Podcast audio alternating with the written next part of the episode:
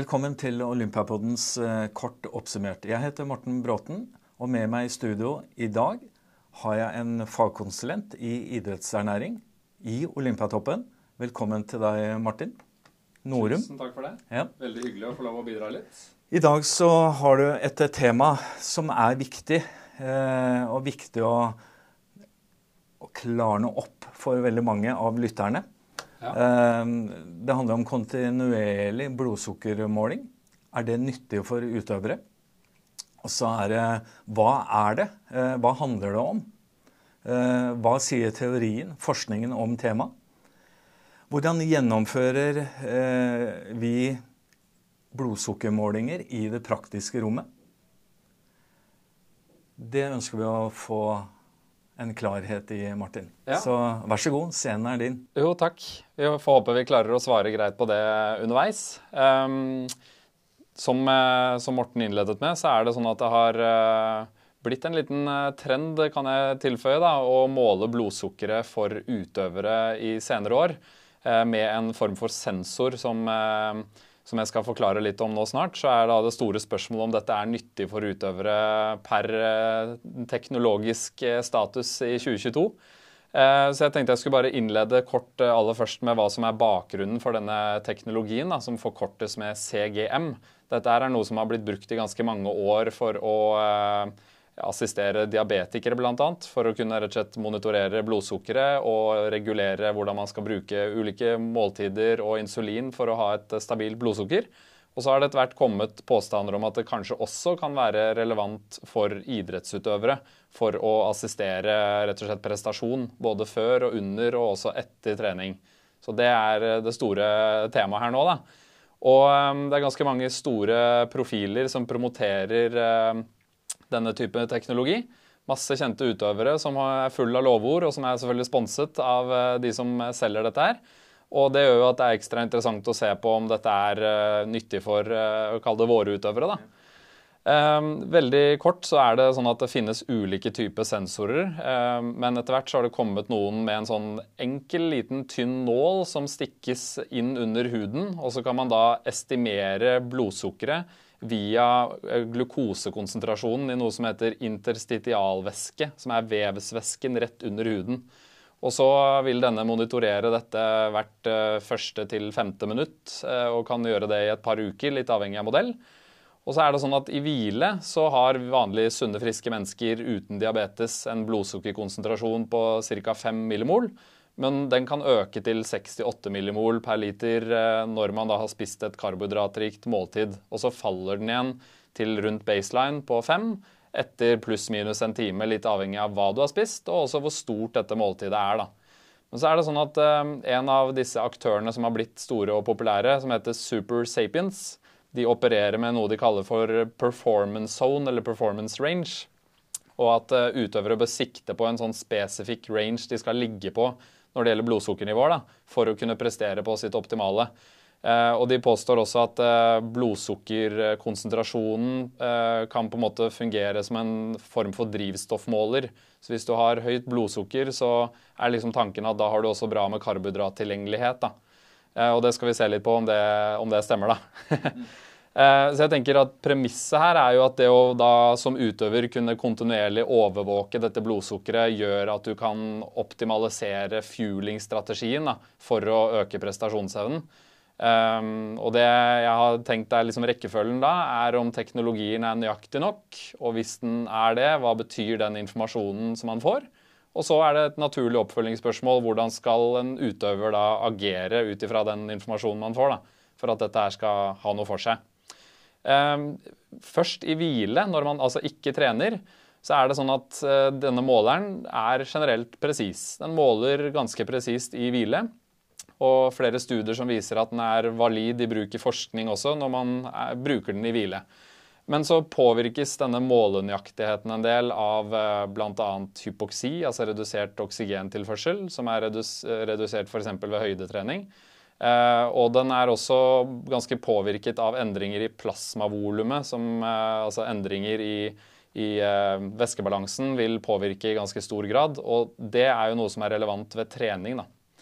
Men også er det også sånn at både mellom ulike personer Og innad også i samme person så er det variasjon i hvordan blodsukkeret vårt responderer på selv det samme måltidet eh, inntatt f.eks. tre dager på rad. Hvis du trener likt, sover likt, spiser helt likt og har kanskje den samme kall det livsbelastningen eller totalbelastning i hverdagen, alle forhold mest mulig like, så kan likevel blodsukkeret svinge ganske mye fra dag til dag når du spiser det samme måltidet. Og det kompliserer jo dette her en god del, da, for da blir det på en måte mye kall det støy. Um, og videre da, så er det også sånn at man har testet flere forskjellige målere samtidig på samme person når man har spist eh, f.eks. en quinoa og en bagel. Og så ser man ganske stor variasjon i hva disse målerne estimerer at er faktiske blodsukkeret.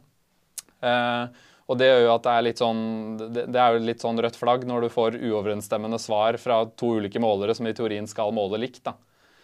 Ehm, men så da, når det gjelder nøyaktighet under trening, så er det jo sånn at når man trener, så kan du i perioder har raske endringer i glukose som leveren skiller ut i blodet, og også større endringer da i plasmamolum plasmavolum underveis. Og det er ganske mange studier som har undersøkt nøyaktigheten på dette her i trening. Men det meste er gjort på diabetikere. Og det man kan se i eh, disse boksene jeg har laget eh, rundt de tallene, er at de overestimerer rett og slett hva blodsukkeret ditt er.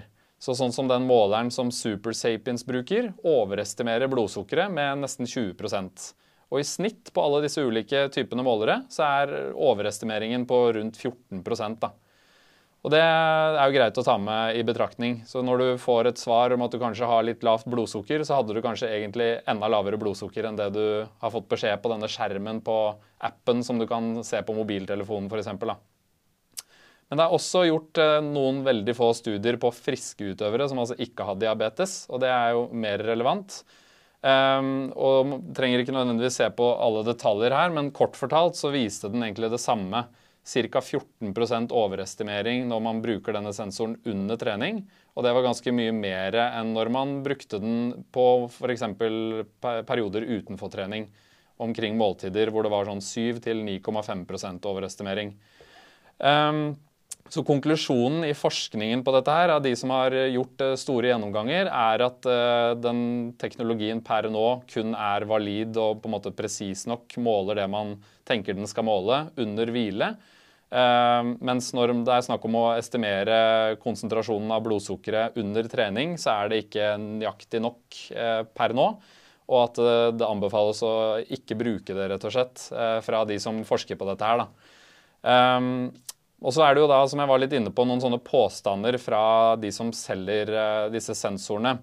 Uh, her ser dere også et lite bilde av uh, hvordan denne appen ser ut. Og denne røde sonen er det de kaller en sånn performance zone. og så er det masse bloggposter om at, ja, viktigheten av å være i denne sonen når du trener. da. Eh, men eh, det er egentlig ganske dårlig vil jeg si, argumentert for hvorfor det er så viktig å være i akkurat den sonen. Og det er ingen gode argumenter for at den sonen skal være akkurat den rangen som de har bestemt. Eh, så, det gjør at jeg blir litt sånn tvilende til hvor godt faglig begrunnet det konseptet på en måte er. da. Um, og så er det også et lite problem at det er en forsinkelse i det du ser på appen. Så når du ser noe på appen, så er kanskje det pluss-minus et kvarter forsinket. Og du ser da noe som er overestimert. Så hvis du f.eks. har hatt lavt blodsukker i en god stund, da, eh, så har du kanskje hatt det da eh, kvarter lenger enn det du tror du har hatt. Og kanskje har blodsukkeret vært enda lavere enn det du tror du har hatt. da. Eh, og for så vidt kan det være motsatt vei også, så det er en liten praktisk utfordring. Um, og så blir det også lagt frem påstander om at denne sensoren og det du ser på appen, kan fungere som en drivstoffmåler. Men det vil jeg si at er uh, uriktig. fordi hvis uh, du, Morten, drar ut og trener, og du har lite karbohydratlagre, du har lite muskelglykogen og kanskje også redusert leverglykogenstatus, så kan du på tross av det gå ut og trene en hard økt, eller du kan gjøre noen sprinter, og så vil likevel blodsukkeret ditt stige bare fordi du legger inn en sprint. Hvis du sykler fort hjem eller drar på med noen skikkelige sprinter, så kan du få høyt blodsukker selv om du ikke har så mye karbohydrat eh, tilgjengelig i musklene og i leveren. Og Derfor så kan man jo da bli litt lurt ikke sant, av eh, dette her. For hvis du er ute på en rolig langkjøring, legger inn noen sprinter, så vil du få på skjermen at du trenger ikke å fjule fordi du har høyt blodsukker. Og, og det, det, med andre ord så er ikke det blodsukkeret ditt er ikke synonymt med at du har bra karbohydratlagre. Og I tillegg så er det litt interessant at stress det er en individuell faktor som påvirker blodsukkeret mye. Så i bildet man kan se her nå, så er det litt, et litt morsomt eksempel. En person som holder en Zoom-presentasjon, ganske likt sånn som jeg gjør nå, da, som blir stresset av å være i det miljøet, holder en liten presentasjon, og blodsukkeret bare fyker i været, selv om man ikke har spist eller drukket noe spesielt. da. Så det er jo litt interessant å se at uh, sånne forhold også kan påvirke det. Um, og så tenker jeg, Man vet jo mye om at eh, et høyt karbohydratinntak for i hvert fall utholdenhetsutøvere det er ganske tydelig assosiert med bedre prestasjon. F.eks. som løper eller ultraløper eller syklist osv. Og, man trenger jo på en måte ikke en sånn sensor for å fortelle deg det. Um, så jeg tenker at i utgangspunktet kan utøvere komme veldig langt med å bare finne sin individuelle høyeste tolererte karbohydratinntak, som de føler de ikke får mageproblemer av, og som de presterer bra eh, ved å innta. Og så kan det muligens hende at dette verktøyet kan være interessant i noen tilfeller. Um, kanskje kan det være nyttig for å f.eks. håndtere noe som heter reaktiv hypoglykemi. Det er rett og slett at uh, etter at du f.eks. har spist siste måltid før du skal ut og konkurrere, så er det noen som opplever et veldig raskt blodsukkerfall.